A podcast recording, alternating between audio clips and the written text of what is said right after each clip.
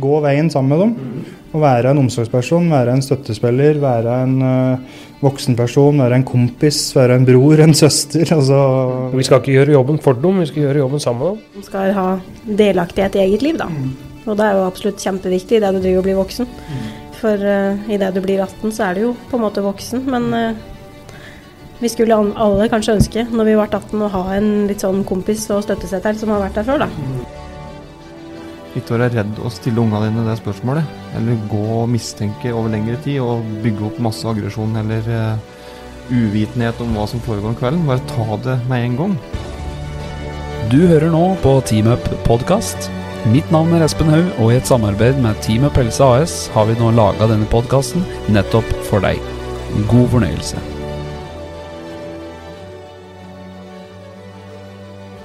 God mandag. God mandag. God mandag. Å, for en strålende morgen. Ja. Har alle hatt en fin helg? ja. Ja. Ja. Fint vær. Renner vann.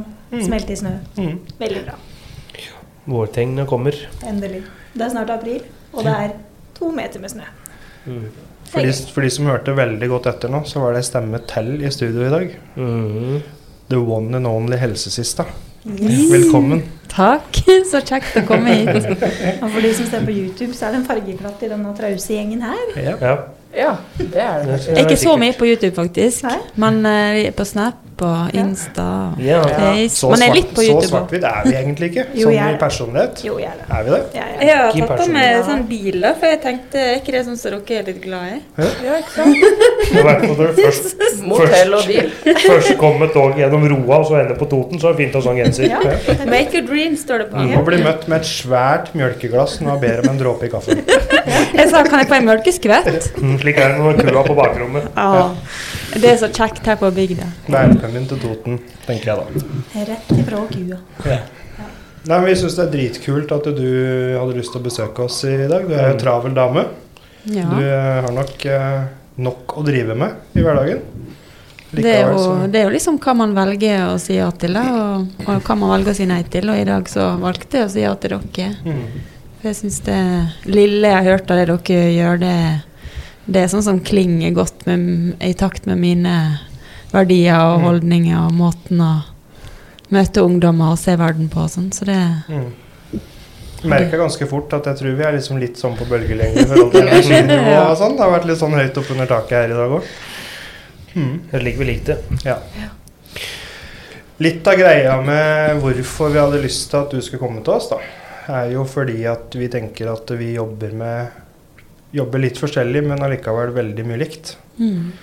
Vi, den røde tråden er vel ungdom. Ja. Og det går jo både på psykisk helse og fysisk helse og skole og mestring og hva er vi opptatt av, og hva er det som foregår hos ungdommene våre i dag. Mm. Mm. Derfor hadde vi lyst til å få ditt synspunkt på det, da. ja. Ja, men det blir spennende. Mm. vi har, og vi har ingen plan, det har vi snakka om. Det har vi om. Og det er fint. Det er sånn, eh, Mhm. sånn liker jeg det. Da Mm. blir det, blir det ekte. Så det blir spennende for dere som vil følge med Ja. Ja. på den praten her. Vi er veldig opptatt av om dagen i forhold til uh, Det er litt sånn hype på Gjøvik og i distriktet her om dagen med et veldig utfordrende ungdomsmiljø. Mm. Og vi har vært liksom i dialogmøter med kommunen, og vi er mye ute i felt, og vi snakker med politiet, og vi, vi prøver å engasjere oss mye i det som skjer, da. Um, fordi rus er noe som er veldig fremtredende her. Mm. Men uh, Også yngre og yngre alder. yngre og yngre alder. Okay. Her så prater de om at det er helt ned i 13-årsalderen nå. Ja, for det var det jeg lurte på. Hva er liksom et utfordrende ungdomsmiljø? Hva, hva ligger det i det? Ja, og det er det vi diskuterer òg, fordi at vi leser ofte i, i aviser og media at det liksom blir sagt ting. altså Nede på skysstasjonen på Gjøvik, der er det sånn og sånn. Ja. Og hvor kommer det fra at det er sånn og sånn? det var ganske trivelig når jeg kom der i sted. Ja, ikke? Folk spankulerte ut og inn av toget, og det var liksom ikke noe sånn Jeg, jeg så ingen eh, utfordrende ting, da. Annet at det var litt glatt på perrongen, liksom. For det folk har blitt mata med nå, egentlig, er at det er livsfarlig å gå ned på skysstasjon. Fordi Ja, ja. ungdommer er så farlige i dag. og det Nei, jeg kommer jo fra den livsfarlige storbyen Oslo. Det, eller det, det, jeg jeg er jo fra Ålesund, egentlig. Mm. Men det er halve livet siden jeg bodde der. Uh, så, så jeg bor jo i eh, livsfarlige Oslo, og har til og med vært på den livsfarlige T-banen forbi livsfarlige Tøyen stasjon og sånn i dag. Så det er helt utrolig at jeg sitter her i dag. Er Oslo S, faktisk. Ja, jeg har vært på Oslo Du S. overlevde Oslo S. Ja. Det er liksom, liksom rart at ting blir hypa opp når det fortsatt skjer en, ep en episode. Mm. Så blir det, er det den episoden man husker i ganske Mm. lang tid etterpå.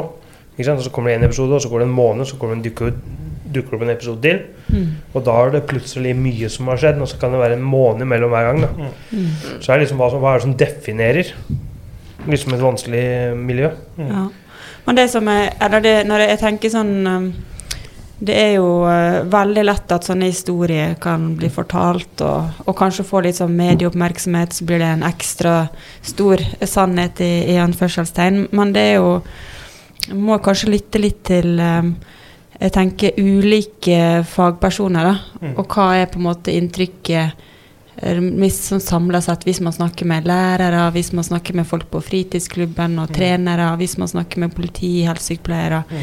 eh, hvis man snakker med folk som jobber i BUP, eh, psykologer og sånn, er det, er det på en måte samme historiene og stemmer sånn ganske likt, eller hva er det, liksom? Så Mm. det er jo Så hvis man snakker med flere, og mange har inntrykk av at eh, mange blir sykere, eller folk debuterer tidligere med ulike typer rusmidler, eller at de eh, har det vanskeligere, strever med å komme seg på skolen eh, når de er yngre og yngre. Liksom. Altså, sånn, det er jo, sånne ting syns jeg er litt interessant, da. Mm. Um, samtidig, så, hvis det er sånn, så tenker jeg at ja, det stemmer ganske ganske bra i forhold til mine forventninger. Mm. Eh, om t eh, sett i tida vi lever i med etter pandemi og sånn, så, så er det her for, helt forventa. Mm. Det er, Ja. det er som folk får skjønne veldig, altså ikke forstår alltid like lett. da. Det er at de som er innafor noe som er kriminelt Så fort det blir mye hype på et type mønster, Mm. så endrer du mønsteret for å begynne med noe annet. Mm. Så du må hele tida følge med altså hele tiden prøve å samle informasjon, fordi du må følge mønsteret deres. For de endrer det så lenge det, hvis det blir politiaktivitet eller det blir aktivitet fra noen andre, så må du hele tida endre det. Mm. Fordi at du skal slippe unna. Vi jobber jo mye med barnevern. Altså Ja. Vi jobber jo mye med, med de som mange har gitt opp. Mm. Og de som faller utafor, de som har dett ut av skolen, de som har følt seg på en måte tilsidesatt, glemt, de som ikke klarer å prestere eller mestre. Og samfunnet er jo litt sånn at eh, det er mye press, og du skal få til ting, og du skal passe inn sosialt, og du skal Det er mange ting en ungdom i dag må mestre, som, som sikkert i alle år.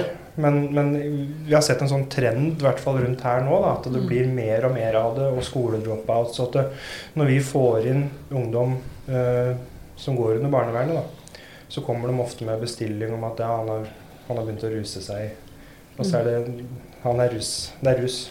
Men når han kommer inn til oss, så er det så innmari mye mer som ligger bak. Ja, ja, selvfølgelig. Ja. Og det er jo eh, Altså jeg, det, det det egentlig handler om, så handler det jo egentlig om følelser, sånn som jeg ser det. da. Mm. Eller min erfaring. Og at, eh, at ungdommer har kanskje bare ulike måter å håndtere ting som har vært eller er vanskelig. Mm. Eh, og at eh, Ja, det, det, det er noen eh, oppsøker det fordi de kjeder seg og trenger litt spenning og litt gøy som skjer, Mm. mens andre bruker jo rusmidler eller andre mat eller porno eller gaming eller som en form for flukt fra følelser, eller det kan være en form for selvskading også. At det jo, men at det ofte handler om eh, At det er noe mye dypere inni dem som, man må, er, som det egentlig handler om, da, og at det egentlig ikke rusen eller spiseforstyrrelsen eller, som er problemet. Ja. Sterbing, som vi kalte det i, i institusjon. Altså sånn short term relief. Ja. Om det er porno, eller om det er Ja, det er liksom bare å bare sånn kjapt uh, få en annen uh, sinnstilstand. Ja. Plutselig Mm. bare sånn Bare for å um, Som mennesker så er vi nok um, ganske gode på å prøve å unngå ubehag. Mm. Ja, at hjernen vil på en måte Vi har liksom instinkt på å prøve å komme oss unna ubehag. Da. At det å stå i ubehag, det, det er krevende. Jeg er ikke noe glad i det sjøl. Det er jo, de kjenner jo igjen det. Jeg, driver, jeg, jeg trener meg på det, øver meg på det. Ja. Men det er, ikke alltid, det er ikke alle følelser det er like lett å stå i det. Nei. Jeg syns, uh, sinne er en veldig krevende følelse å stå i, f.eks. Det å være eh, sint over liksom lengre tid, over timer og kanskje over dager, det syns jeg er forferdelig tøft å stå i. Mm. Um, som jeg kjente ganske nylig på pga. Eh, sorg. Altså sånn, følelsene kommer jo av mange ulike ting. Eh, og ja, Så det er litt sånn interessant å drive og eh, reflektere og kjenne over hva slags følelser er det som er Vanskelig å stå er Det er interessant at du sier det, for jeg kjenner meg igjen i sinne. Det var min go to. mm, Altså jeg, så, jeg var så dårlig utvikla på det følelsesregisteret av ulike grunner. ja. Så jeg brukte ofte sinne som løsninga på det meste. ja, det er jo en sånn viktig ting, å, å, for det er jo ikke du alene om. Mm. Eh, at sinne er jo en veldig enkel følelse å vise, lettere å vise at man, enn at man er trist, f.eks. Mm. Uh, Så er det en fin måte å avvise folk som vil snakke med deg om andre Ja. ting på. Altså Hvis du blir forbanna, ja. så er det, en fin måte å strøype samtalen på. mm. Og det gidder jeg faen ikke. Og, det og, Og så kan det være mønster man har lært, og hvordan um, følelser har blitt møtt, eh, som man ikke er klar over. Så det er jo eh, det å forstå på en måte uttrykksform eller følelsesspråket til ungdommene man møter òg, Mm. det er jo viktig. At det bak det sinnet Å knuse den stolen bortover der, det, det kan ligge noe bak der som eh, Mm. Ja, så man skal være litt nysgjerrig på det. Mm. Mm. jeg at du, du sa jo at du kom fra Ålesund. Mm. Jobber du med barn og unge i, i Ålesund òg? Nei, fordi at jeg flytta hjemmefra Eller flytta fra Ålesund når jeg skulle begynne å studere. Ja. Så da var jeg et par og tjue år. Mm. Sånn I 2001. om det- 2001. Om du, om du ser noe forskjell fra Mm. Ålesund til Oslo på disse tingene her? Eh, nei, altså det er samme utfordringene overalt, tror jeg. Eh, men det er jo litt eh, kanskje forskjell på hvordan folk eh, møter det eller ser på det, eller hvordan folk snakker om ting, eller det Ja. Vi har snakka en del om hvor engasjementet vårt kommer ifra. Og det, det har vi liksom Det kommer jo litt fra egne opplevelser, egen oppvekst, eh, traumatiske ting, eh, livsførsel, dårlige valg. Og så Engasjementet starta kanskje der, og så har vi liksom eh, hatt noen år og, og utvikla det videre på. Mm. Men hva, hvor kommer engasjementet ditt fra? Um, veldig godt spørsmål. Jeg føler jo at jeg har sånn her noe uh, Hjertesprut i meg, skulle jeg si. Det føles ut som eh, hjertet mitt er veldig åpent, og det, er liksom, det renner kjærlighet inn og ut veldig lett. Eh, så jeg har en sånn kraft, da, føler jeg. Eh, og så har jeg tenkt at eh, jeg har jo jeg har jo ikke en traumatisk barndom eller oppvekst eh, sånn sett, og har ikke vært gjennom så tøffe ting som kanskje dere, noen av dere som sitter rundt bordet her, har opplevd. Men eh, eh, jeg vokste jo opp og var ungdom på dinosaurtida, eh, før liksom mobiltelefon og før sosiale medier fantes. Eh, Ting var ganske annerledes da. Um, men, eh, men jeg opplevde også Eller eh, mammaen min flytta til Oslo da jeg var sånn 14 for å studere i fem år. Uh, og så var pappaen min hjemme alene med full jobb og fire barn. Uh, og jeg var da eldst av dem som bodde hjemme. Sånn at jeg, jeg ble nok overlatt ganske mye til meg sjøl. Eh, og sto i og opplevde ting som kanskje litt sånn vanlige ungdomsting, men som kan være ganske tøft og krevende. Eh, som gjorde at eh, jeg kjente meg ganske mye aleine i perioder. Um, og så hadde jeg ei helsesøster som eh, hjalp meg også på videregående eh, en, noen ganger når, når ting var skikkelig vanskelig. Eh, så det å være der for ungdommer som kanskje føler seg veldig alene i verden, det syns jeg er veldig fint, da. Um, ja. For du starta opp i, i var det 2011? Uh, nei, Som er d- helsesista nei det, det er ikke så lenge siden. Det er um, 20, slutten av 2016, Ja, 2016. så begynnelsen av 2017 Det var liksom ja, for uh, seks år siden på den tida her nå, så begynte helsesista å spre seg til hele landet. Ja, for det husker jeg. Ja, det Mm. Plutselig så bare Ja. husker jeg fra at det liksom var over. Ja, for det var jo ikke meninga at det skulle skje. Skulle- Eller det, det var nok meninga at det skulle skje, sikkert. Hvis man tenker på universet. Kanskje det var en plan. Men, eh, men det var ikke noe jeg hadde en plan på. Jeg har sjelden en plan, Mm. bortsett fra å ta en dag av gangen. Ehm, men eh, det var jo Da var jo jeg helsesøster på eh, Som nå heter helsesykepleier. På fire videregående skoler i Oslo. Og, og det var jo litt uoversiktlig for elevene når jeg kom på skolen hjemme, og hva tid jeg var der. Og. Så det var jo en Jeg tenkte sånn Ja, ja, de er jo på Snap, så jeg kan jo bruke Snap til å fortelle dem disse tinga. Hva er det som gjorde at dette eksploderte, tror du? Um, det tror jeg var ehm, Altså, det er jo seks år siden, men det har skjedd ganske mye på de seks åra. Ehm, på den, for så få år siden så var det veldig få fagpersoner som var til stede som voksne. eh, seriøse slash useriøse fagpersoner som eh, var til stede på sosiale medier. Så jeg følte jo at jeg kom inn eh, i en verden der eh, ungdommene var veldig alene. Og det var liksom som Jeg tenkte sånn Shit, her er de på, som på en fest i den mørkeste bakgata midt i byen, helt alene. Og det er så mange ting som foregår som voksne ikke har peiling på. Ja. Um, Det er den samme oppfatninga vi har. ja, så, så jeg tenkte ja, da ville jeg i hvert fall være sammen med dem. Og så har jeg prøvd å være sammen med dem på en måte som um, Prøvd å være meg sjøl, da. At jeg har prøvd å ikke være litt sånn ovenifra og ned-ekspert, men prøvd å være på litt samme nivå som dem. Eh, eh, prøvd å tenke at de har masse å lære av meg, men jeg har like mye å lære av dem. Sånn at jeg, jeg senker meg på en måte litt ned til deres nivå. Og så prøver ikke å være liksom kul eller eh, Du bare Jeg er det. tenker Nei.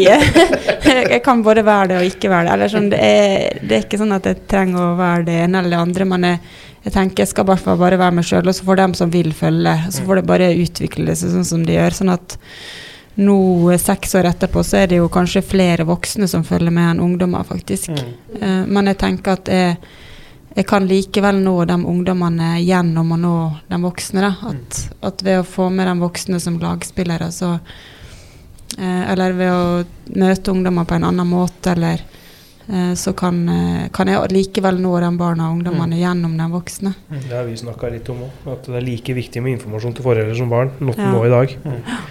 Mener jeg. At det, i hvert fall at foreldre også får mye informasjon om hva som finnes. Og Ja, for jeg tror det er mange som eh, Med innsikt for Ja. å, foreldre. Det er mange som eh, føler seg veldig alene som voksne òg, og veldig maktesløse og fortvila. Og, eh, og det å kjenne at, at man er et lag av voksne, eller at man kan at man er i utvikling og kan lære også som forelder eller som fagperson som møter unge i jobben sin. Eller.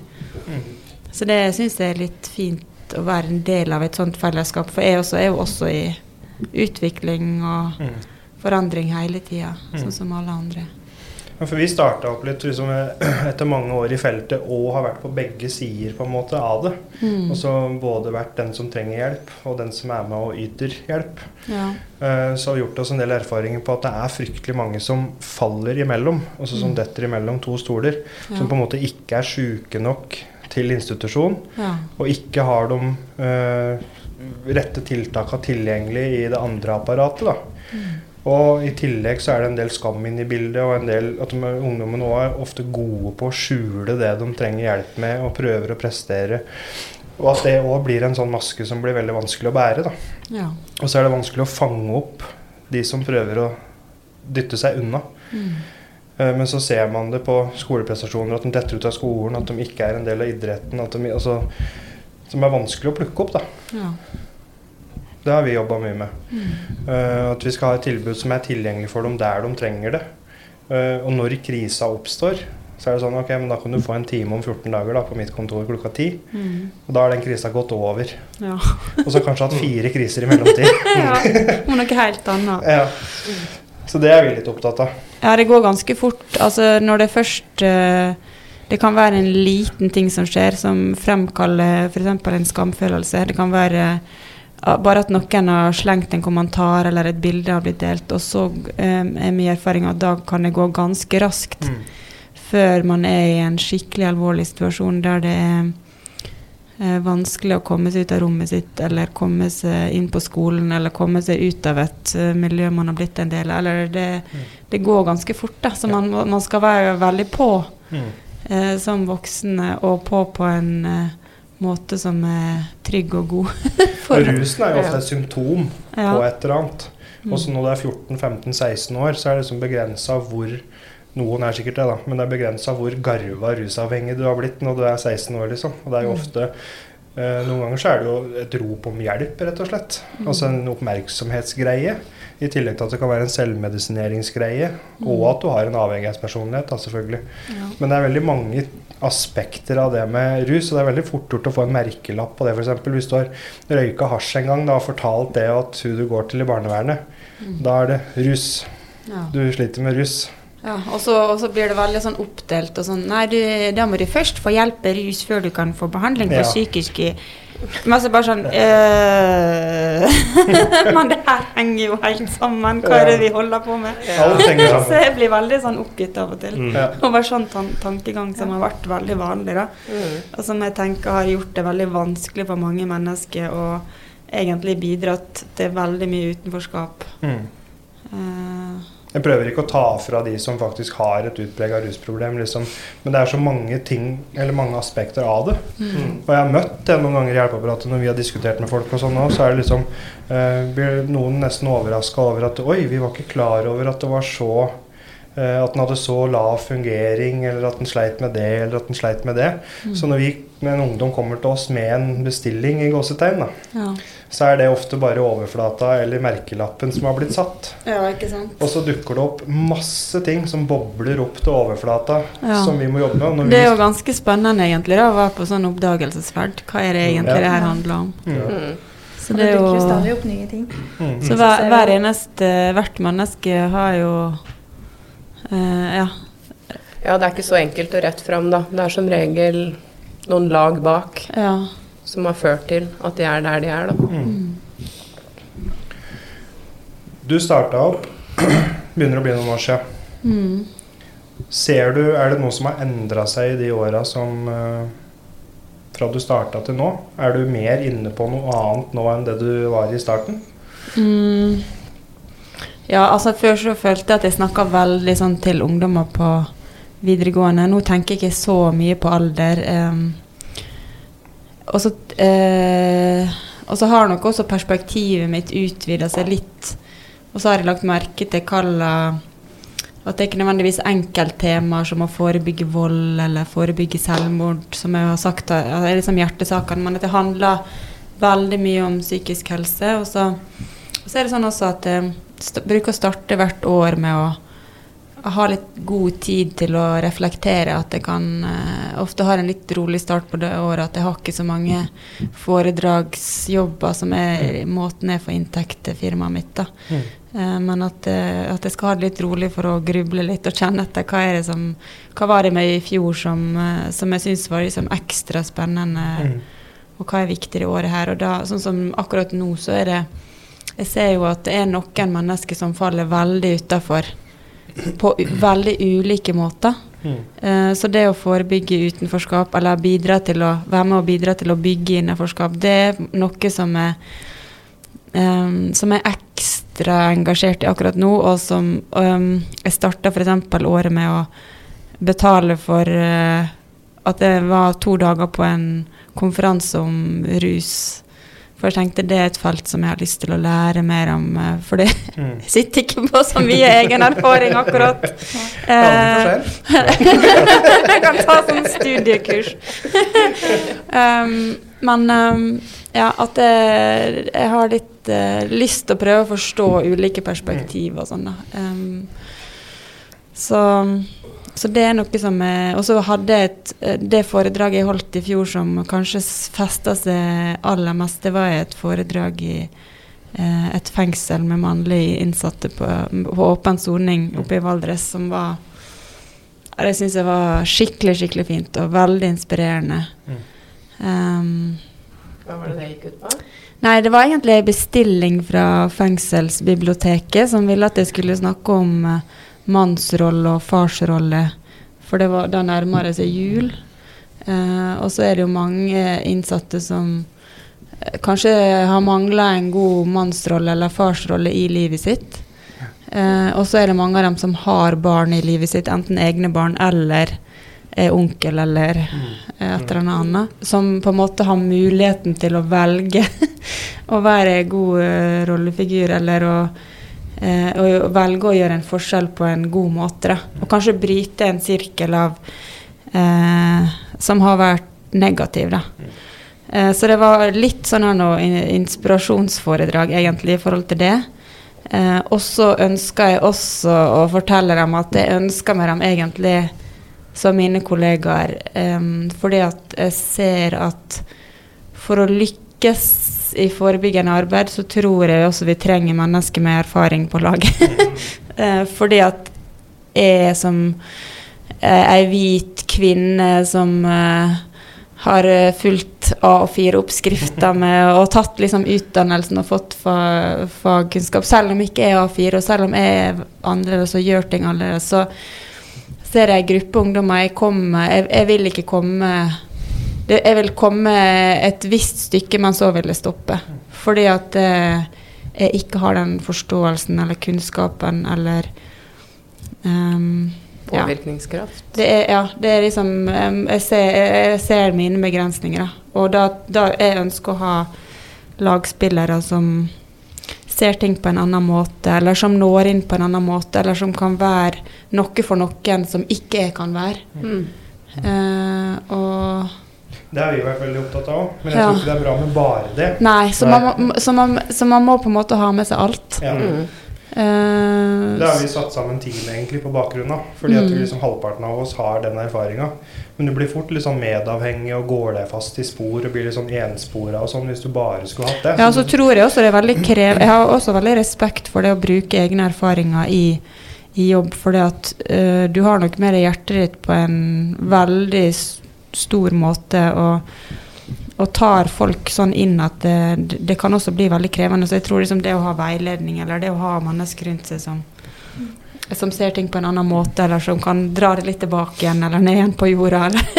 Det er blitt veldig inn å bruke egen erfaring nå, men jeg tror at et veldig viktig aspekt av det er at du er gjennomarbeida i din egen historie før du skal Mm. begynne å gi den videre. Ja. For jeg tror det er veldig sånn, det er mange som sitter i en sårbar situasjon, kanskje har blitt rusfri og liksom og bobler over av engasjement Ja. og de ønsker å hjelpe andre, og så er de ikke helt avklart i sitt eget. Nei. Og så er det jo, så har vi prata flere ganger på at selv om vi har vært gjennom det vi har vært gjennom, så er det historier som er traumatisk for andre personer, for dem sjøl, som de har opplevd som ikke er på lik nivå, som overgrep og alt mulig sånn. Så har de opplevd ting i livet sitt som de syns er vanskelig. Mm. Og det er jo en egen erfaring der òg, Mm. på Ja. forskjellige områder. Mm. Det er ikke alle går nok ikke bare gjennom livet sitt hvor alt er bra, at du ikke aldri kjenner på noe som er Nei, vi har har eller- mye egen erfaring på ulike måter, Ja. alle sammen. Og jeg tenker sånn, det er jo uh, For meg så er det vel like viktig i den jobben jeg gjør, som, eh, som det Altså, det, jeg vil ikke si at det mesteparten av det jeg formidler, er ting som jeg har lært på studiet, akkurat. Det er jo, det er jo kanskje en kombinasjon av alt, på en måte. Og når jeg snakker om kjærlighetssorg, så, det jo, så kan jeg jo gjøre det fordi at jeg virkelig har kjent på kjærlighetssorg flere ganger i livet. Mm. Både som ungdom og ung voksen og voksen og For det med egen erfaring òg, det er jo ikke noe låst begrep. Nei. Altså hva er egen erfaring, egentlig? Det er jo kjærlighetssorg, da. Det er jo Og det er jo det er jo som du sier, evnen til å bearbeide det vonde du har vært igjennom, og evnen da til å, til å kunne Hvis du opplever en ungdom, da, så kan du sette deg sjøl inn i situasjonen. Og denne situasjonen har jeg sett en gang før. mm, Og hvordan gjorde jeg det for å komme ut? Fordi du har kommet noen år lenger fram i tid. mm, Så kanskje du kan videreformidle det til noen som står i det akkurat nå. Og så har vi jo ganske mye fokus på at vi ikke skal sammenligne problemer, fordi en liten ting for noen kan jo være livsødeleggende for noen andre. mm, At det er liksom veldig viktig at ok, jeg har ikke så veldig stort problem fordi jeg har ikke opplevd så mye. mm. At for noen så kan det være mer ødeleggende enn Mm. noen som har opplevd noe mye større i gåsetegn. Mm. Mm. Så er det sånn viktig å ikke sammenligne problemer eller sammenligne erfaringer, for det kan virke helt forskjellig på to forskjellige mennesker. da. Det er som jeg sier, at de som er med oss i teamet, har sikkert egenerfaring på helt andre områder Mm. som vi ikke kan sette oss inn i. Ja.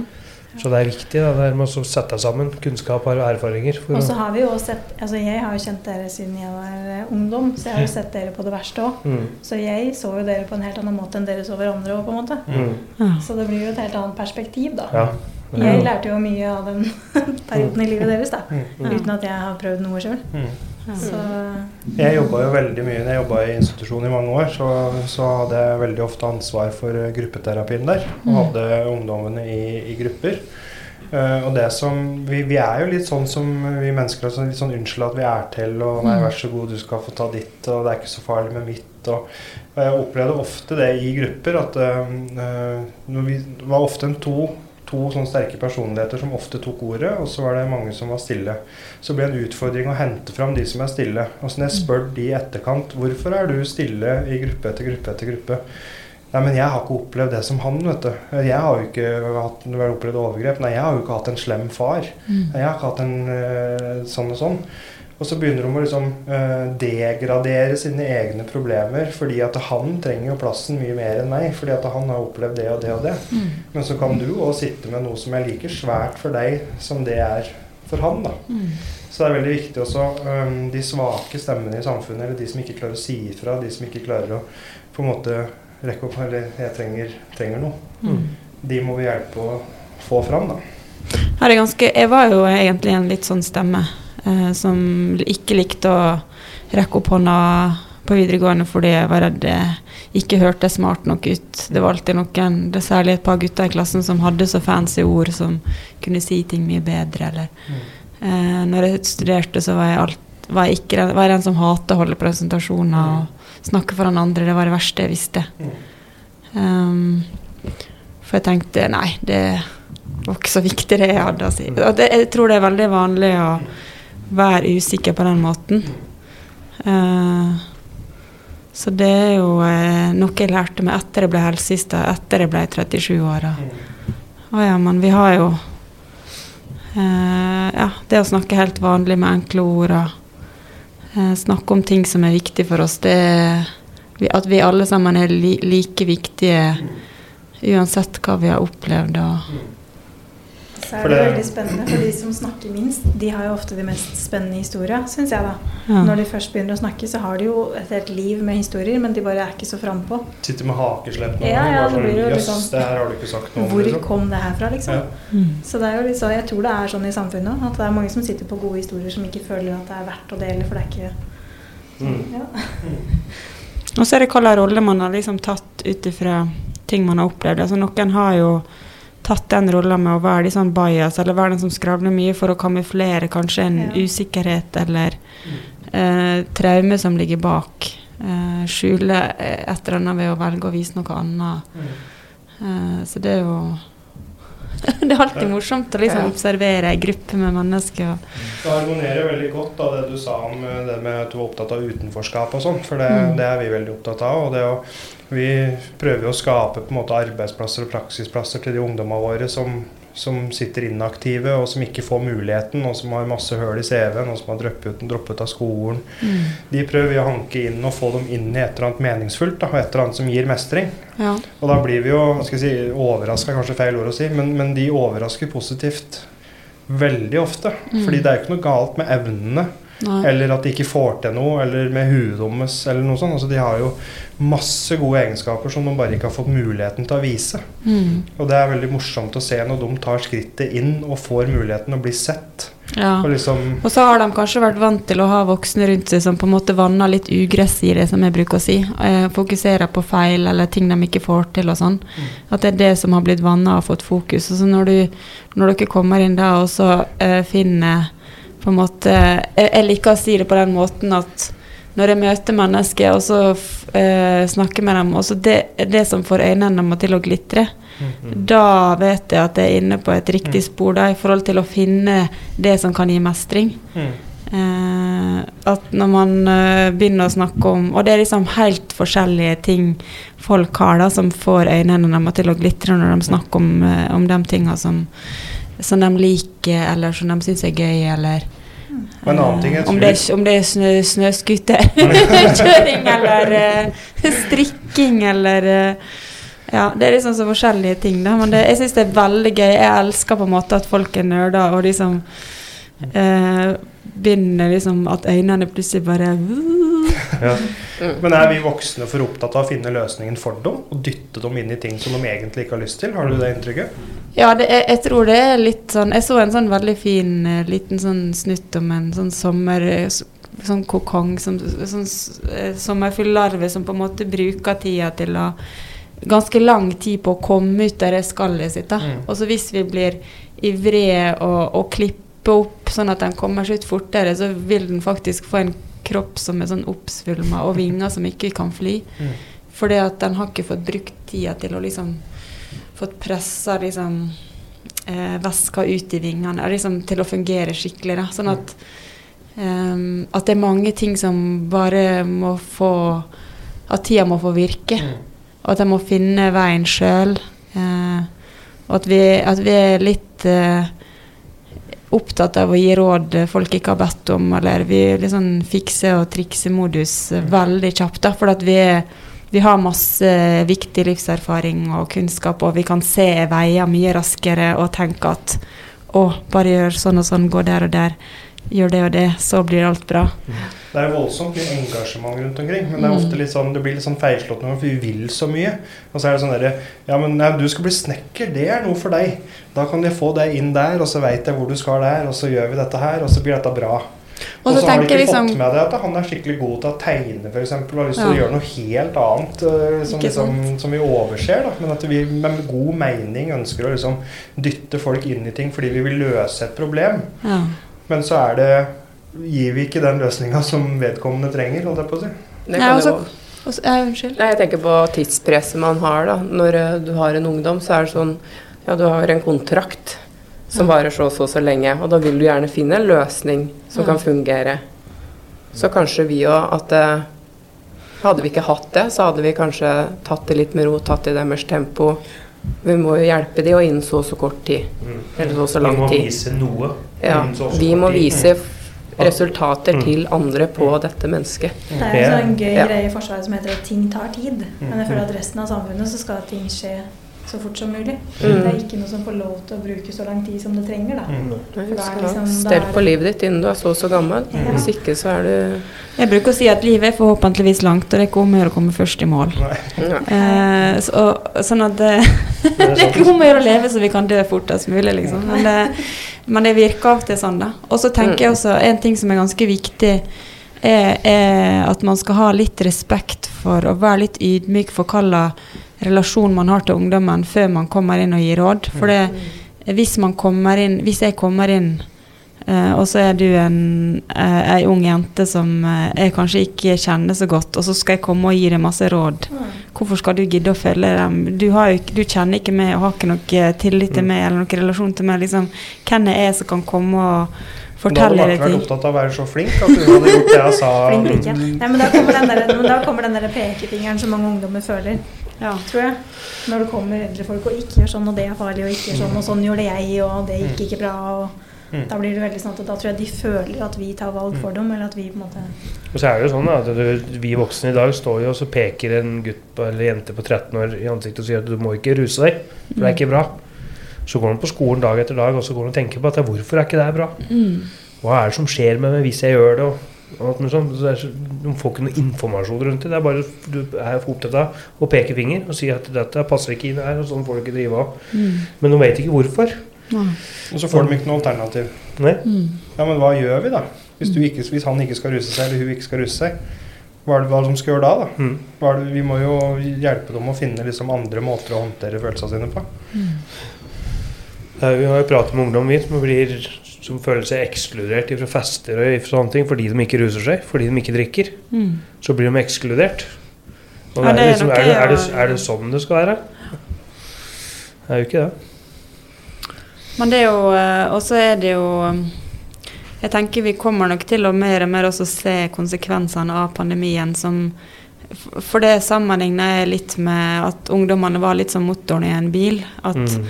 At pandemien, da, var, da ble på en måte deler i motoren kobla fra hverandre. Den ble kobla fra skolen, ble kobla fra besteforeldre, den ble kobla fra fritidsklubben. Den ble kobla fra ganske mange personer som er viktige for at, de, for at liksom hverdagen hang sammen og fløyt. Mm.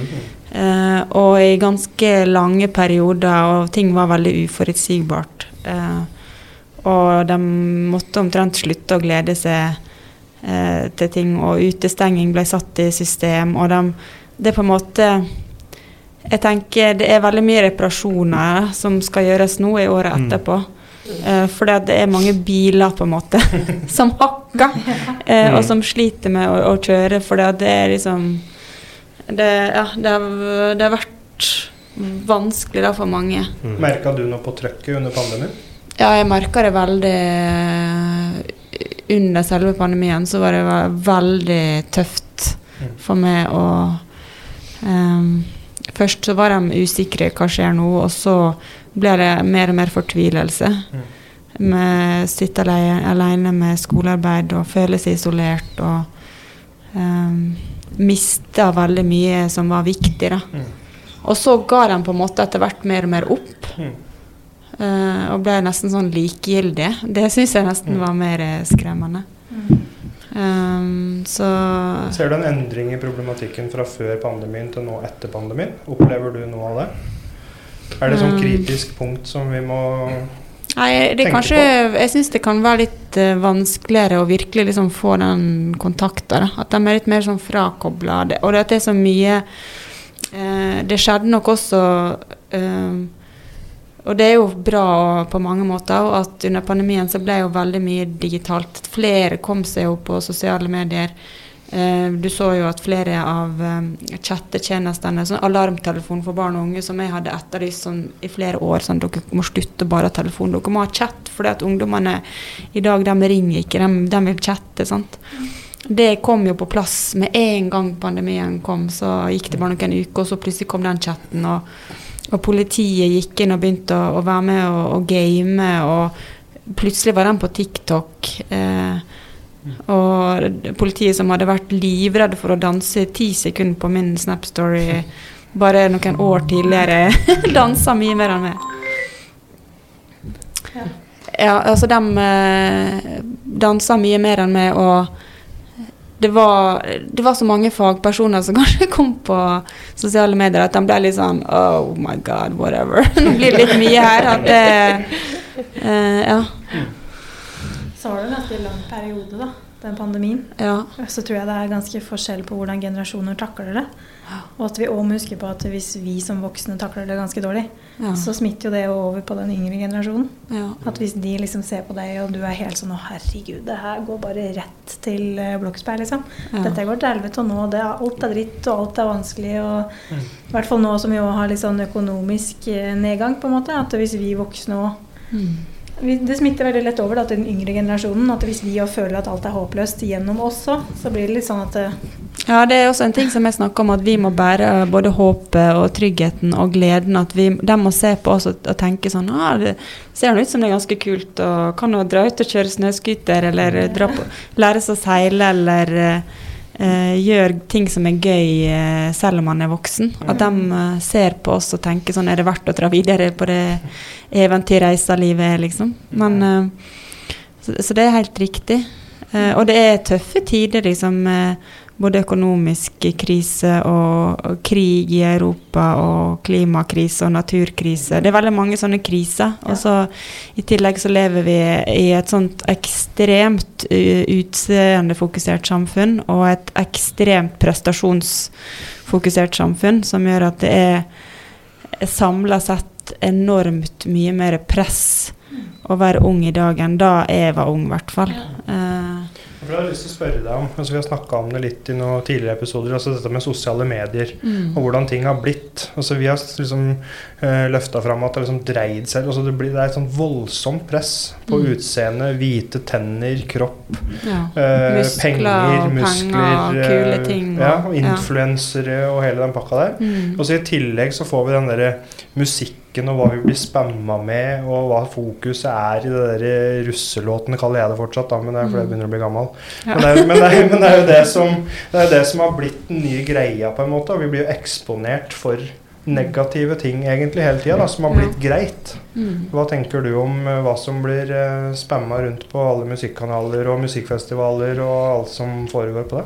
Nei, jeg tenker jo at eh, alt de følger med på, at det har jo stor påvirkningskraft, samtidig som at ting er veldig sånn algoritmestyrt, så hva vi får servert er jo også veldig forskjellig. Både hva slags type reklame vi får, men også hva slags type innhold vi blir servert. Hvis vi er på TikTok f.eks., så er det liksom hva slags videoer vi har sett før, som bestemmer hva vi får eh, servert på sølvfat, liksom. Uh, som igjen påvirker ungdommene ganske mye. At folk som kanskje er på vei inn i en spiseforstyrrelse, enten det er megareksi eller uh, anoreksi, eller uh, at man kan bli veldig påvirka av det innholdet man ser. da. Ser man bare store muskler, eller ser man bare tynne kropper, hvordan man skal spise og trene på en spesiell måte for å bli sånn og sånn. Eh, at, at det er når man er ung og usikker og bare får servert sånn type innhold, så er det mange som forteller at, de blir sy at det var med og bidro at de ble syke. da. Um, Jeg blir jo livredd, for jeg vi er vokst opp uten sosiale medier, akkurat som Ja. deg. Og, men, men, ja, men allikevel så liksom Vi sammenligna oss med de dørvaktene i byen og de som var på treningssenter. Og, Mm. og jeg brukte steroider, og du brukte steroider, og vi brukte bruningssprøyter. Og var eh, Jeg fikk jo den der diagnosen megareksi en gang da jeg var i behandling. Og liksom, eh, men nå er det jo tigangen. Altså, jeg hadde jo ikke tilgang på å liksom, sammenligne meg på sosiale medier og Facebook og Insta og Snap og alt som ble spamma i min retning på den tida. Men likevel så hadde det en stor påvirkningskraft for hva jeg så rundt meg, og hva jeg omgås på treningssenteret, og hva slags miljø jeg var i og sånne ting. Ja. Men det begrensa seg. Men jeg ble like påvirka den gangen og valgte den veien sjøl med liksom få skulle sprøyte inn alt mulig rart og bli sånn og sånn og sånn. Og sånn. Ja. Og så kan du liksom adde flere ganger da, når du får det liksom på sosiale medier døgnet rundt, sånn som unga får i dag. Da. Ja. Ja, for du Med- måtte fysisk gå dit, oppsøke miljøet og være der. Ja, Nå kan du jo bare ta opp telefonen, så får du Mm. miljøet I trynet. i ja, og det er liksom hele verden hele døgnet. Eh, og jeg tenker at det er også en del som Eller det er også en grunn til at jeg tror at vi ser at mange strever, og at, eh, at voksne er også veldig dårlige på å opprettholde de alders, anbefalte aldersgrensene på sosiale medier, som gjør at veldig små barn veldig tidlig blir eksponert for den type innhold, og Mm. blir veldig bevisste sjøl og sin egen kropp, og begynner å lete etter feil, eller eh, prøver å bli sånn som de tenker at de må bli, eller er det til forventa at de skal bli. Mm. Og at det er ungdommer som også tar livet sitt fordi de ikke er fine nok eller flinke nok. Mm. Bare uten at det ligger liksom mobbing eller eh, vold eller sånne traumatiske ting bak. Mm. Men eh, man, man føler bare at man feiler som eh, menneske ut ifra det samfunnet viser deg at sånn må du være, og sånn må du gjøre, og Mm. sånn må du se ut. Og, Og som samfunn i dag, da, så er det så tilgjengelig som alt er, så føler jeg at vi har liksom aldri vært leng altså, lenger unna hverandre enn vi er nå. Mm. Samtidig som alt er så tilgjengelig. Og det er litt sånn Jeg føler at vi veit hva alle andre på sosiale medier gjør, men du har kanskje ikke snakka med naboen din på flere måneder.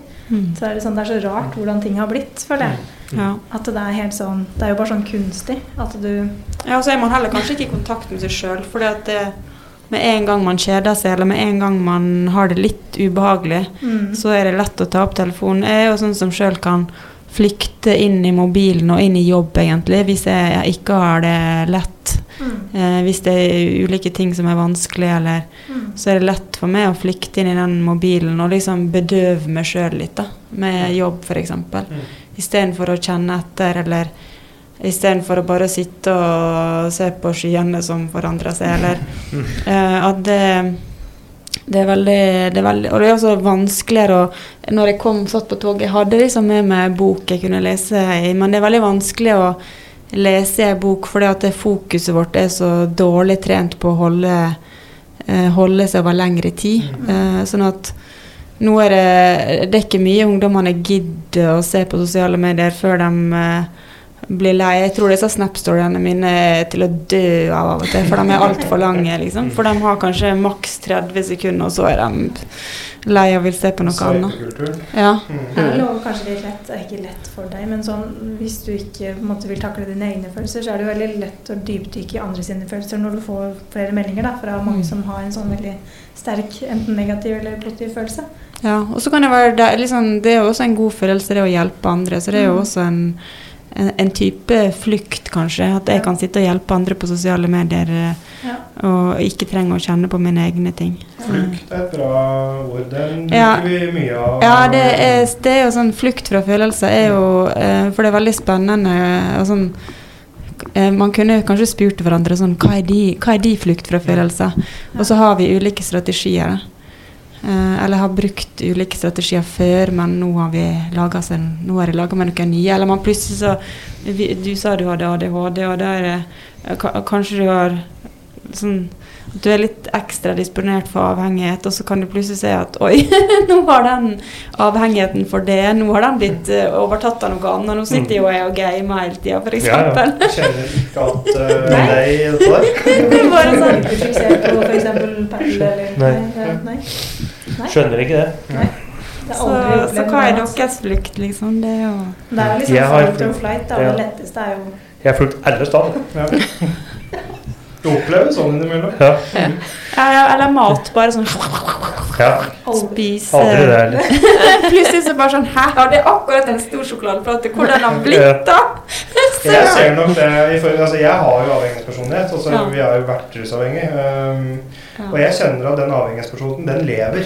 Ja. Altså Den må håndteres hele tida. Og, og siste åra nå så har det sikkert vært mat og veldig mye sånne ting. Ja. Men liksom, hvis jeg dypdykker litt i Eller kanskje sånn utvikle det og, i forhold til den jobben du, og dere har skapt her og sånn. Men jeg merker liksom at den Men jeg, jeg tror vi har litt sånn avhengighetspersoner alle sammen, egentlig. Ja, og vi har, vi er, altså det å være menneske er jo også å ha, være avhengig av ting som er viktig for oss, Ja. og som er bra for oss. Og det er jo ikke alltid sånn at avhengighet er noe negativt. Mm. Vi er jo avhengig av mat, og vi er avhengig av søvn, og vi er avhengig av gode relasjoner. Eh, kjenne oss trygge. Ja, vi er avhengig av oksygen. avhengig av eh, sånne, Hvis det bare er sånn tjukk sovetåke, Ja. som jeg kaller det, sånn, det er veldig tungt. Vi er liksom avhengig av liksom lys og Mm. kjenne, ting, ja, kjenne på varme av og til. Ja. Men det er interessant å dykke litt i seg sjøl. fordi jeg tror også det, det fastlane-livet som jeg og broderen eh, hadde i mange år da, Mm. Vi var avhengig av at det skjedde noe hele tida, og det skjer jo noe hele tida i det miljøet der. Og Ja. Det er liksom action, og det er hit og dit, og du må fikse og ordne. og- ja. Det er penger inn og penger ut, og, og dop, og det er ting som skjer. Man blir avhengig av penger og ja, avhengig, ja. Og så gjenspeiler det egentlig litt i den livsstilen vi har nå, bare at vi gjør det på den andre sida. Ja. Og så Jeg og Mats har pratet om, jeg har pratet om det flere ganger, at det, liksom, at det blir en livsstil for oss. Mm. Og det har blitt den nye, nye greia, på en måte, som vi bare Ny avhengighet. Ja, Mm. altså du holder på med noe Jeg kan jo aldri holde meg unna ungdommer. Ikke en, ikke en dag. Nei. Og så det ikke noe med lørdagskveld. Og så er det sånn at jeg tar jo meg sjøl i at det er en lørdag som er på, på hyttetur eller noe. Og så Ja. kommer liksom kveld, og så faen, nå har jeg ikke prata med han i dag. Nå må jeg sende melding til han.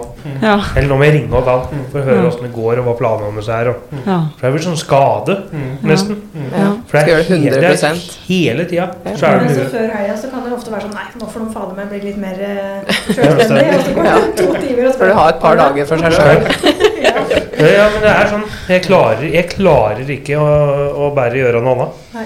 Jeg må Men det er noe som jeg måtte ha trent på. Og så legg, nå, har, nå eh, er jo dere et sånn ganske nyetablert uh, firma også, og da er man liksom ekstra opptatt av å jobbe hardt Mm. og kanskje få en viss posisjon, eller få uh, et, en viss type omdømme. At, at man vil gjøre et godt inntrykk og gjøre en god jobb, og så blir det på en måte en sånn uh, jeg sa jeg sa i en periode at eh, jeg har to ting som er viktige i livet mitt. Det er liksom barna mine, og så er det helsesista, og så er ikke det plass til noe annet.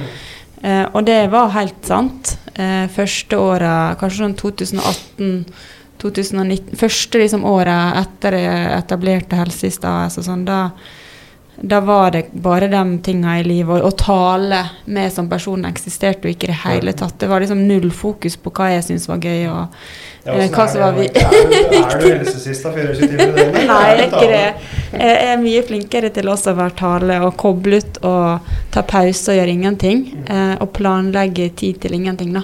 Eller jeg er sånn, jeg er sånn, jeg òg. Jeg er veldig opptatt av at jeg må ha altså Uansett om det er en liten båttur på en time, Ja. bare for meg sjøl, Ja. så må jeg gjøre det. Ja. Samme om det bare for andre folk kan virke som stress. Ja. At ja, skal du bare kjøre dit i dag, og skal du sove, og skal du dra tidlig av dagen etterpå? Ja, Ja. det skal jeg gjøre. For kjøreturen og sånn, så må du ha den helt Da, da kan jeg slippe liksom alt.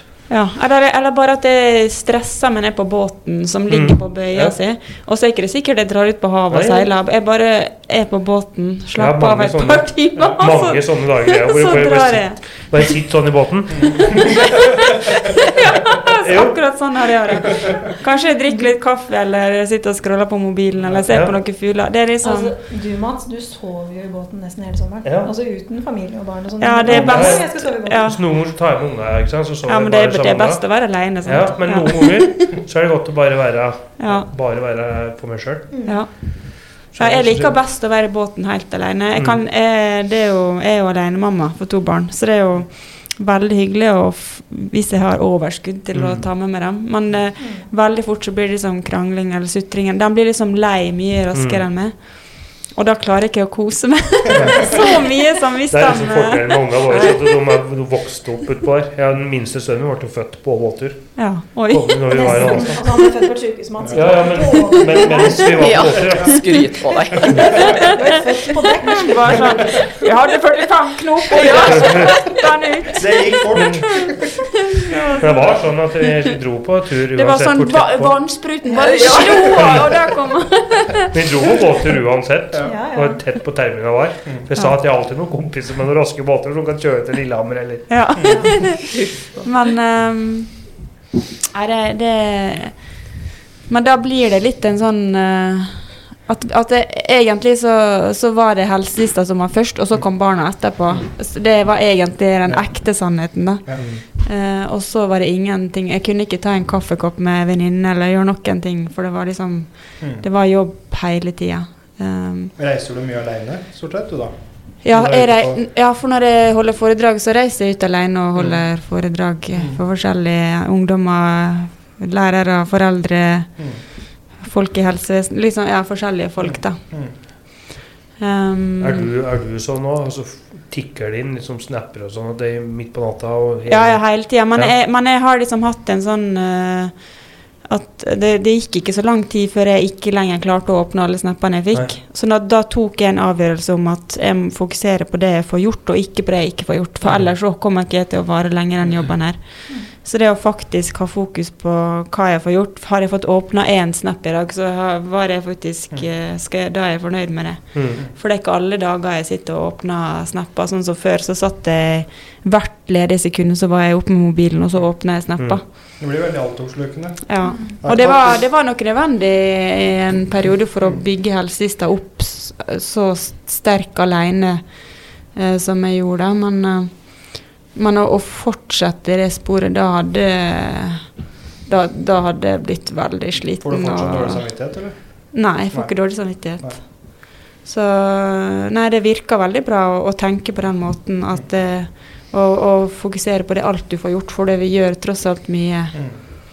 Og om det en dag er å ikke gjøre noen ting, så er det bare for at det var viktig. Mm. Å bare sitte og se ut i lufta. For det gjør med Jeg merker at hvis jeg ikke har rom og tid til sånne ting, da da blir jeg dårlig mor, jeg blir dårlig helsesøster, jeg, jeg, jeg klarer ikke å være kreativ, jeg klarer ingenting. Og jeg tenker sånn, den kunnskapen der er det så også viktig at vi lærer ungdommene, for det ser jeg at de sliter veldig mye med. At de, de har så mye press på seg at de føler at ja, men hvis jeg ikke gjør noe produktivt til klokka er ti om kvelden, da er dagen mislykka.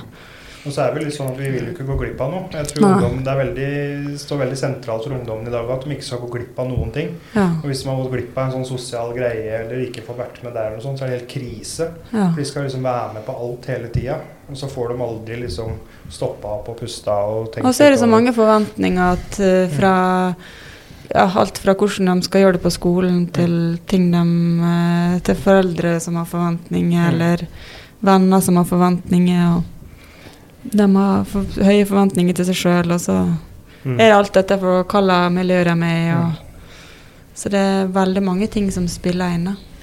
Hvis vi tar litt sånn her og nå, da. Mm. Hva er det helsesiste er opp, veldig opptatt av om dagen? Hva, er det, hva gjør du om dagen? Eller hva er du ute på turné, holdt jeg på å si? Eller hva Eh, nei, nå har jeg hatt den perioden der du, som du prata om i stad, tidlig på året? Mindfulness. eh, Jeg har hatt litt sånn uh, rolig periode. Um, og så Nei, nå har jeg hatt uh, litt sånn foredrag til uh, ungdommer som skal Som går i sjuende, som skal begynne på ungdomsskolen. Mm. Uh, altså Alle sånne overganger er jo ofte både spennende og litt vanskelige. Eh, og liksom foredrag for dem og foreldre. Eh, men det er jo å forebygge utenforskap, eller å bygge innenforskap. Mm. Eh, samtidig være litt sånn her nå ehm, på, på Instagram er jo jeg ganske streng om dagen i forhold til at jeg syns at eh, politikere og ledere er uh, gjør mange underlige prioriteringer i forhold til at man uh, ja, ikke tar godt nok vare på mennesker. da. Og at systemet er så Det er så lite rom for å jobbe litt sånn hjertefokusert, eller eh, fordi at alt skal handle om effektivitet og penger og sånn. Eh, som gjør at da blir det veldig vanskelig å møte mennesker sånn én til én og virkelig sånn Hvem er du? Og hva trenger du? Og hvor lang tid trenger du? Og hvordan skal vi At eh, den måten å jobbe på som jeg egentlig brenner for, og som jeg tror er viktig, den, den er det veldig vanskelig for mennesker som jobber i systemer, eh, å få til pga. at de hele tida har sånn ris og pisk, og nå tar vi vekk penger, og nå må vi kutte. og Eh, og da blir det veldig tungt, for da går mange og føler at de gjør en jo dårlig jobb. eh, eh, og, og at det blir veldig tungt å være dem i jobben, og da, det gjør at mange sliter og slutter. Og, og det syns jeg er skummelt. da. Syns du samfunnet er på vei i en riktig retning eller en feil retning når det kommer til psykisk helse og sentralisering og kutt og Nei, altså Er det vi som er for eh, Hva skal jeg si, har for skylapper på det, eller tenker du at det er et problem sånn som utviklingen har vært nå? Nei, jeg tenker jo at det er et problem. Jeg har jo sagt at ikke det har vært godt nok lenge, og at under pandemien så kjefta jeg jo veldig fordi at jeg tenkte nå må de begynne å sette inn tiltak for psykisk helse, og ikke bare tiltak for ikke å bli smitta av covid, liksom. Ja. for det er jo mange som Det fikk jo veldig mange store konsekvenser for den psykiske helsa til folk i alle aldre. For når det kom en krise i Norge, så var de jo veldig spandable på alt som gjaldt korona og liksom virusrelatert. Men Ja. det var jo desto mindre da, på viktige ting som har Mm. blitt etterspurt i mange år. Så det er jo liksom Ja. frustrerende for folk òg, tror jeg. Når du ser hvor mye penger de kan bruke når de vil. Ja. Men så på alt annet så er det litt sånn nei, nei, vi har ikke penger til det. Også når de legger ned ting som faktisk fungerer, liksom, som viser gode resultat. Det er helt bakvendt. Og at man eh, satser så lite på forebygging, og at det kunne vært gjort på en mye mer sånn helhetlig måte. Jeg vil jo ha det Byggerem-teamet rundt barn og ungdommene mye større og sterkere på skolene, f.eks. Flere barne- og ungdomsarbeidere, miljøarbeidere og skolepsykolog på absolutt alle skoler, også barneskolen. Det høres ut som jeg er veldig enig. Ja, og at det er liksom folk med ulik kompetanse, da, og, ja, som, kan, som kan treffe ulike barn og ulike ungdommer. Det Jeg så bare på politiet i Innlandet nå. Mm. Eh, Den, den, altså den utfordringa som ungdomskulturen i Innlandet har nå, da. Mm. Det har vært en eskalering der. Altså, om det er sånn eller sånn, det er det jo nyanser av, men det har i hvert fall vært en eskalering. Da, det er veldig sånn hypa akkurat nå. Og så kommer det et kutt på 62 millioner da, på politiet i Innlandet f.eks. Ja. Og jeg skjønner ikke hvordan de skal klare å håndtere det med så svære kutt og en så stor nedbemanning. Den Mm. eskalerende problematikken som er, da. Og det er, det er politiet. ja. Også for ikke å snakke om psykisk helse og liksom Psykisk helse, og så også på en måte skolene som må kutte. Eh, og de kutter, når de blir bedt om å kutte, så, så kutter de først det som ikke er lovpålagt. Sånn at hvis, eh, hvis det står at eh, skolen kan ha en miljøarbeider, men det er ikke lovpålagt, så kutter man den stillinga. Eh, og så uten å tenke på slags konsekvenser det får. Eh, at eh, da er det mange barn som bare kanskje ikke kommer seg inn døra på skolen engang. Eh, slags ringvirkninger vil det få både for det enkeltmennesket, men også hele samfunnet med hva ting koster og sånn. Det så eh, Og det undrer meg, og syns, jeg syns det er veldig rart da, at, eh, at hvis det ofte er sånn at det er økonomer som sitter på toppene og tar beslutninger, så har de likevel så dårlig evne til å tenke langs, langsiktig. Da. Mm. Det er liksom her og nå av, altså, avgjørelser, og så tenker de jo ikke langsiktig i det hele tatt. Det ja, for alt mye- handler om årsbudsjett, Ja, ja. liksom. Men så kan det være ganske rimeligere på lang sikt å ha to ekstra miljøarbeidere Mm. i stedet for å tenke akkurat her og nå, og så får du et problem seinere, og så blir det ti ganger dyrere. Men det er liksom ikke fokus på det i det hele tatt. Nei. Vi hadde et veldig interessant regnestykke når jeg var i Fossum for vi hadde noe som heter Krimskolen. Ja. Der ungdommer eh, var satt ut på hytte uten sosiale medier og telefoner i så og så mange dager. Og Der fikk de sitte en hel dag og regne ut hva da kosta systemet, på en måte. Og alt det de har gjennomgått fra de var så og så gammel da, til de er nå. Der de må i detalj regne ut hvor mye de har kosta samfunn, samfunnet. Eh, ja, det er ganske drøyt, for det er en sånn tankevekker Ja. på eh, hva på en måte et sånt liv fører med seg. da, eh, Av eh, utfordringer og kostnader og liksom mange ting. da. Og det er snakk om millioner. Det blir sånn 'dette er din gjeld til samfunnet', liksom. Ja. Ja. Det høres veldig sånn drastisk Ja. og rett, men, men det er for å på en måte å, er, Hvordan det, opplevde de ungdommene det? Nei, sjokk. Ja. Altså en veldig sånn derre De kommer tilbake Nå dro jeg ut bare en sånn brøkdel av hva Ja. det innebærer, da. Bare for at de skulle liksom De lærer veldig mye mer Ja. på den, eh, den eh, krimskolen. Ja. Men det er for å gi et bilde av Og de- og de regnestykkene der burde kanskje mange politikere og byråkrater og de som sitter på økonomien og sånn, hatt bedre innsyn eller sett mer på. ja, det er sant. For det er et voldsomt En voldsom utgift. Ja. Hvis du skal ha en fyr i hjelpeapparatet i ti år, kontra å legge inn en tidlig innsats f.eks., sette på en ekstra miljøarbeider i skolen, eh, bruke litt mer på barnevernet, eller liksom Så vi kanskje får strøypa det problemet i tidlig fase, da. Jeg tror det er sånn eh, oppunder 300 milliarder eh, som psykisk lidelse kosta eh, det norske samfunnet hvert år. Sånn at det er jo den dyreste sykdommen eh, eller lidelsene vi har i Norge. Sånn at da burde man eh, satt inn litt mer ressurser da, for å forebygge det, eller liksom unngå at mennesker blir så syke. Da. For nå er er sånn som vi starta praten med å si at det er at man ser at det er yngre og yngre barn også som sliter, som blir skikkelig syke. Mm. Hva tenker du om tidlig innsats? Hva tenker du på å liksom komme inn i f.eks.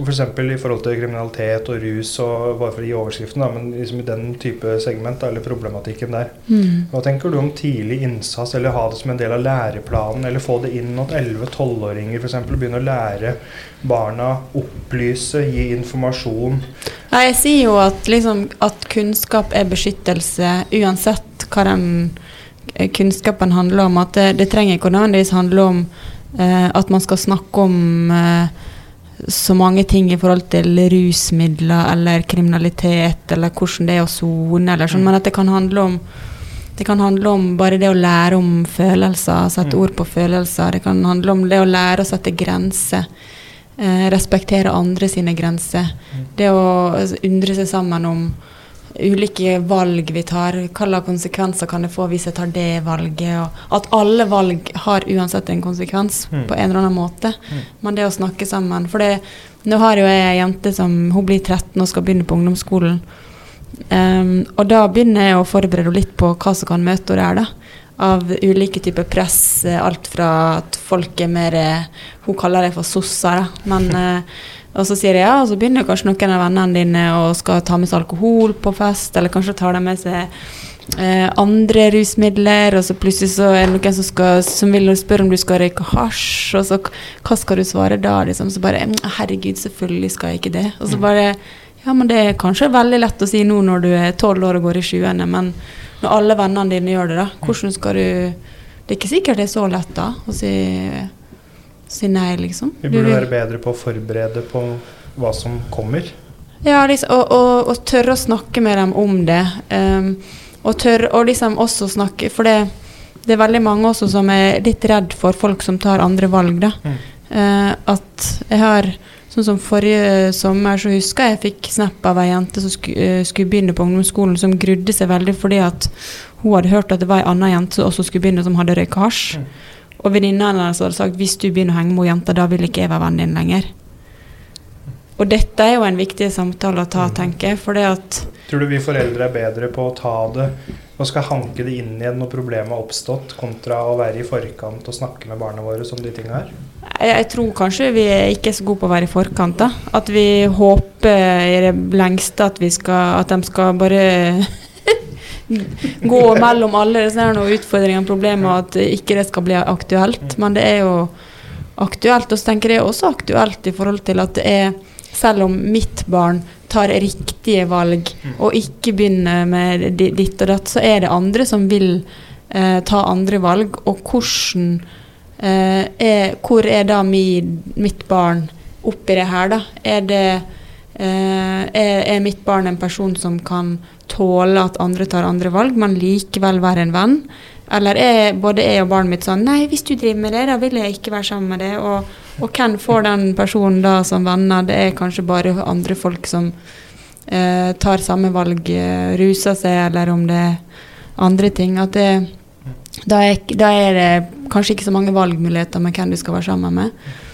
Men samtidig så er det mange voksne da som sier ja, men jeg kan ikke ofre mitt barn for at noen skal føle seg inkludert. og, så, eh, og så sier jeg nei, det skjønner jeg godt, men, eh, men hvordan kan vi da lære barna våre å, å bli trygge nok til å kunne si nei, jeg vil ikke det, men du kan gjøre det du vil. Og at man kan akseptere hverandre og være venner for de. Um, det er jo nok Det er jo ei utfordring, da, for det Jeg har jo venner som er i aktiv rus, uh, og de får gjøre det de vil, men det betyr jo ikke at jeg må ruse meg eller gjøre akkurat det samme. Um, men ofte er vi veldig redd for ting vi ikke har kunnskap om, eller vi er veldig redd for at barna skal havne i Ødelegge livet sine, som vi tenker. Ganske Eh, store, harde ord vi ja, det er veldig- ja. da er, da er det liksom Da er det game over, liksom. Det, så, så det er jo um, veldig interessant hvordan man hva, hva er tidlig innsats? Hva blir lagt, hva blir lagt i det? Hva blir sagt? Mm. Hva slags ord bruker man? Eh, det er jo ingen fasit på det, og det tror jeg blir gjort på veldig mange ulike måter med Mm. Ja. Det er veldig viktig, tror jeg.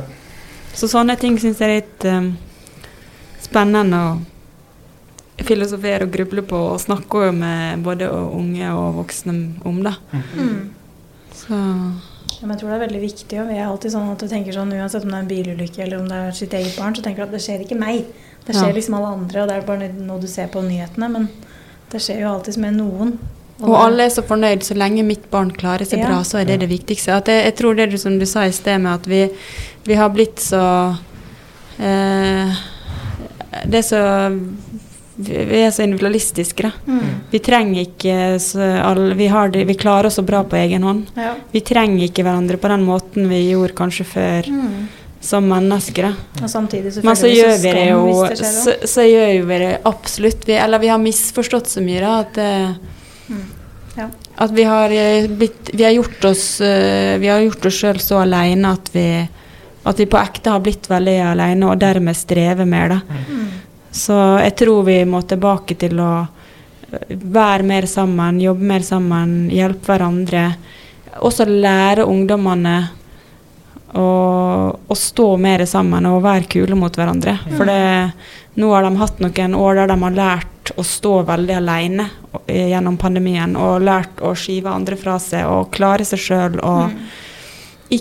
ikke bry seg om andre fordi de, eh, det var kun én venn eller to eller fem eller ti du skulle bry deg om, og så resten kunne bare klare seg sjøl. Ja. Sånn at det, det, det er en del av den reparasjonsjobben som må gjøres, er å rett og slett lære dem å være gode og stå mer sammen. Da. Vi snakker jo mye om den eh, negative påvirkninga de som tar dårlige valg i Ja. Gåstein, har for resten. Men vi har òg et samfunnsansvar, eller vi har òg mulighet til å påvirke andre veien. Mm. Så hvis alle på en måte er interessert i hvordan vennen min har det, eller hvordan, hva som foregår rundt meg på den måten, da, så kan vi påvirke. Men det er vel litt sånn vi er, da. At du, hvis du skrur på nyhetene, så er det ikke veldig mye positivt på nyhetene. Altså Du ser jo bare det negative. Hvis du leser om ungdomsmil ungdomsmiljø, så leser du bare det negative. Du leser jo aldri det positive. Du leser jo bare om det som på en måte blir dratt fram, som gir leseklikk og liksom Mm. Det er litt sånn vi er, da. Ja.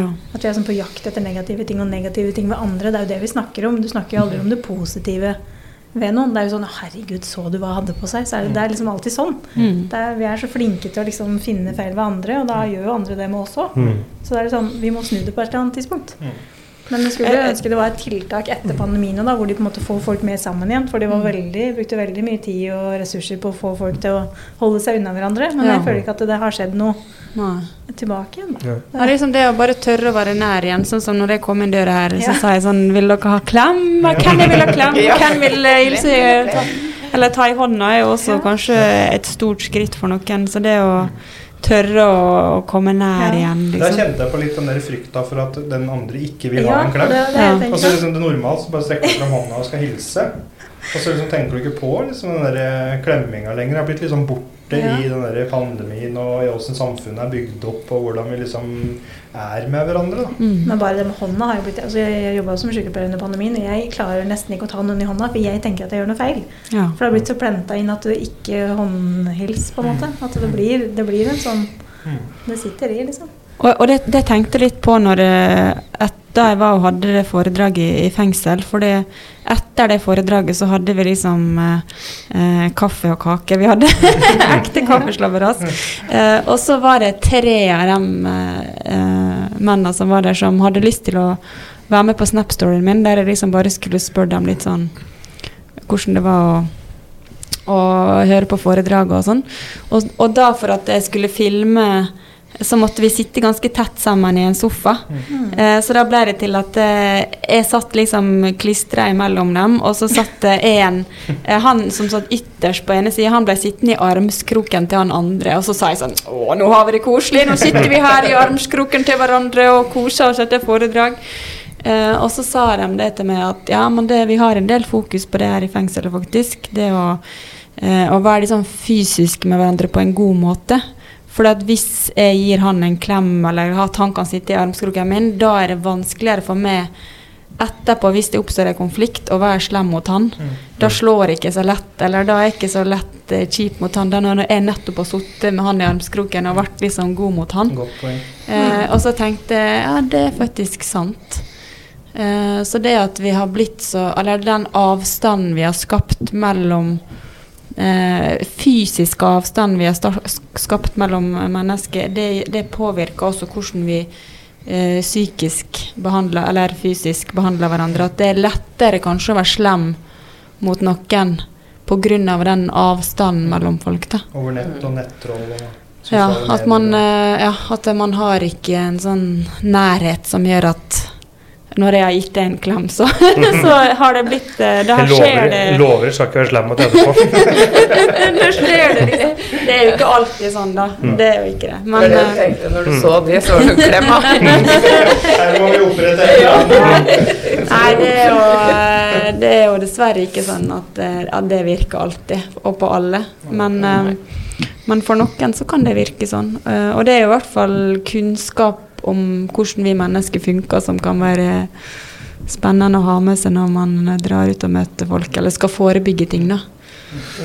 Det å lære dem å, å bare Her er vi en flokk. Ja, vi er forskjellige, vi tar ulike valg, men, men vi, skal, vi, kan en, vi kan gjøre det trygt, sånn at det er fint å komme og være en del av flokken. Enten om det er på skolen eller en fritidsklubb eller et bokollektiv eller Nå er vi, jo, eh, vi er jo så privilegert at vi har en blodfan i studio her hver gang.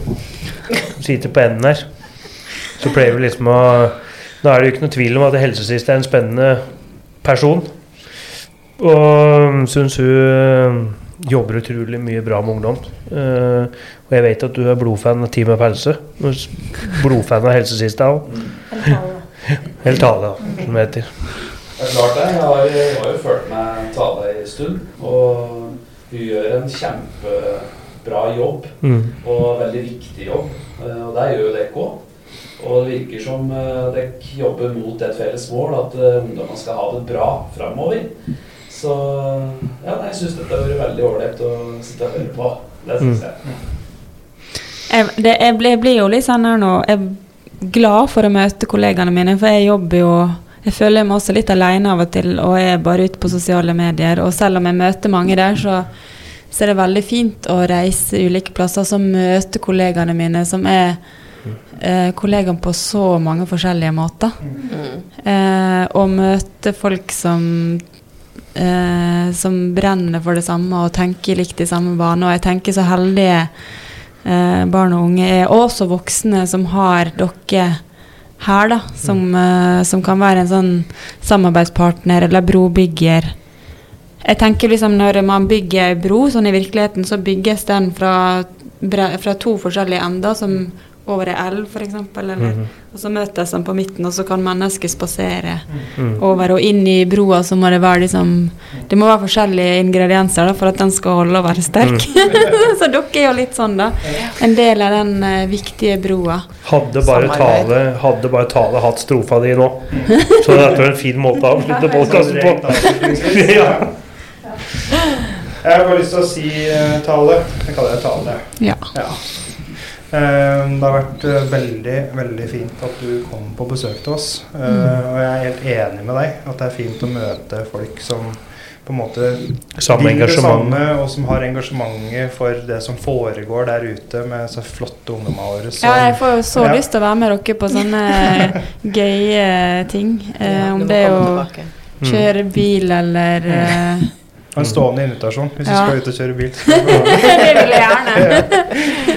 Og så var jeg litt sånn usikker når du kom inn i dag, så, så merka jeg energinivået ditt var der oppe. Våres var der oppe. Og så tenkte jeg åssen skal dette her gå i en podkast, for nå er vi alle helt der. Og så syns jeg det har gått dritfint. Mm. Det har vært uh, skikkelig kult å ha deg på besøk. Du er en skikkelig inspirerende person. Du gjør en kjempejobb. I like måte. Mm. Jeg gleder oss lenge. Mm. Så kjekt å høre, da. Og det er så kult at det er flere folk der ute som på en måte ønsker å gjøre en forskjell, og som står på barrikadene, og som tar vare på neste generasjon og de som kommer opp etter oss og, og vil få til noe. For det opplever jeg at de vil. Ja, og jeg tenker sånn, det er så fint Det er jo sånn som eh, du som hører på også kan tenke at å ja, men hun eh, eller dem, dem kan gjøre en forskjell fordi hun har mange følgere, eller dere har mange dere samarbeider med og sånn, men det vi kan alle sammen gjøre en forskjell. Eh, om det er bare for ett menneske én dag, så er det faktisk veldig mye. Mm. Og jeg tenker sånn eh, Hvis jeg kan gjøre en fors Hvis det her Hvis den podkasten her, eller hvis den Snap-storyen her, eller hvis den posten jeg legger ut, eller eh, hvis den boka jeg har skrevet Hvis den bare kan gjøre en forskjell for ett menneske, da er jeg fornøyd. Eh, og ofte så er det sånn at det ett menneske blir takknemlig for et eller annet jeg deler en eller annen plass, og da da har jeg gjort jobben min, og da, er det, da gjør det også lettere å være med, for da, da får jeg ikke så høye krav til meg sjøl. det er sånn ja, her er det forsamlingen jeg skal snakke for, men bare én person blir fornøyd, da er jeg liksom fornøyd. For det hvert eneste menneske teller, og det, og det er veldig fint at alle vet at alle kan gjøre en forskjell. Det er bare måten man velger å være mot seg sjøl og mot For andre. jeg tror det er litt viktig, for at den mentaliteten vi jobber etter, at alle skal få like muligheter. Fordi Mm. at du klarer ikke å hjelpe alle, men du veit ikke hvem som lander med beina på bakken. Mm. Altså, det er, altså, det er, jeg jobba i institusjon nå, så har jeg blitt overraska mange ganger at liksom du, det er noen som er litt frampå, og de liksom, du får litt sånn trua på dem. For jeg er liksom skapt sånn at de, han her kommer til å få det til, han, og så er det mye prat. Og så er det de der stille som er litt sånn uh, slow uh, i gang, holdt jeg på å si, som kanskje ender opp med å klare seg. Altså, du, Ja. du må gi alle like muligheter, for du veit aldri hvem av dem som plutselig blomstrer, og som plutselig får til ting. Da. Ja, så må de, og så trenger de ulik tid. At, at liksom, og det, det er det som er problemet med systemet. At det er ofte sånn Nei, man skal følge skjematisk, og det skal være så og så mange ganger, og så skal vi være ferdig. Mens noen vil klare det på kortere tid, og noen vil bruke utrolig mye lengre tid. Og det må liksom være rom for alt, da.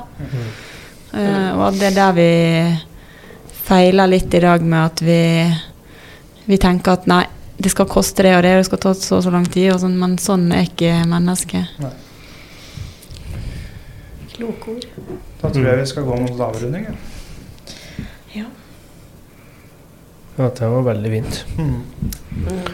Nei, men tusen takk. Jeg sitter her og liksom tenker, jeg. Ja. Ja, jeg Ja, det blir så sitter liksom Unaturlig avslutte når det er så bra flyt. Jeg Tror vi kunne sitte og snakke ganske lenge. Ja, det, jeg, det var derfor jeg sa at eh, du må passe tida, for jeg har erfaring med at det kan Mm. Og det var et viktig det- poeng på slutten, tenker jeg. Og det er at eh, hvis du klarer å hjelpe én, så er det på en måte verdt det. Mm. Du får ikke redda verden, du får ikke redda alle. Men hvis du klarer å redde ett menneske i dag eller ett menneske i morgen, så er det Ja, verdt det. bare, eller at du bare får noen til å holde ut en dag til, Ja. eller Redde var et drøyt ord, da. Ja, det det trekker jeg tilbake igjen. Men, eh, men, Ja. men hjelpe.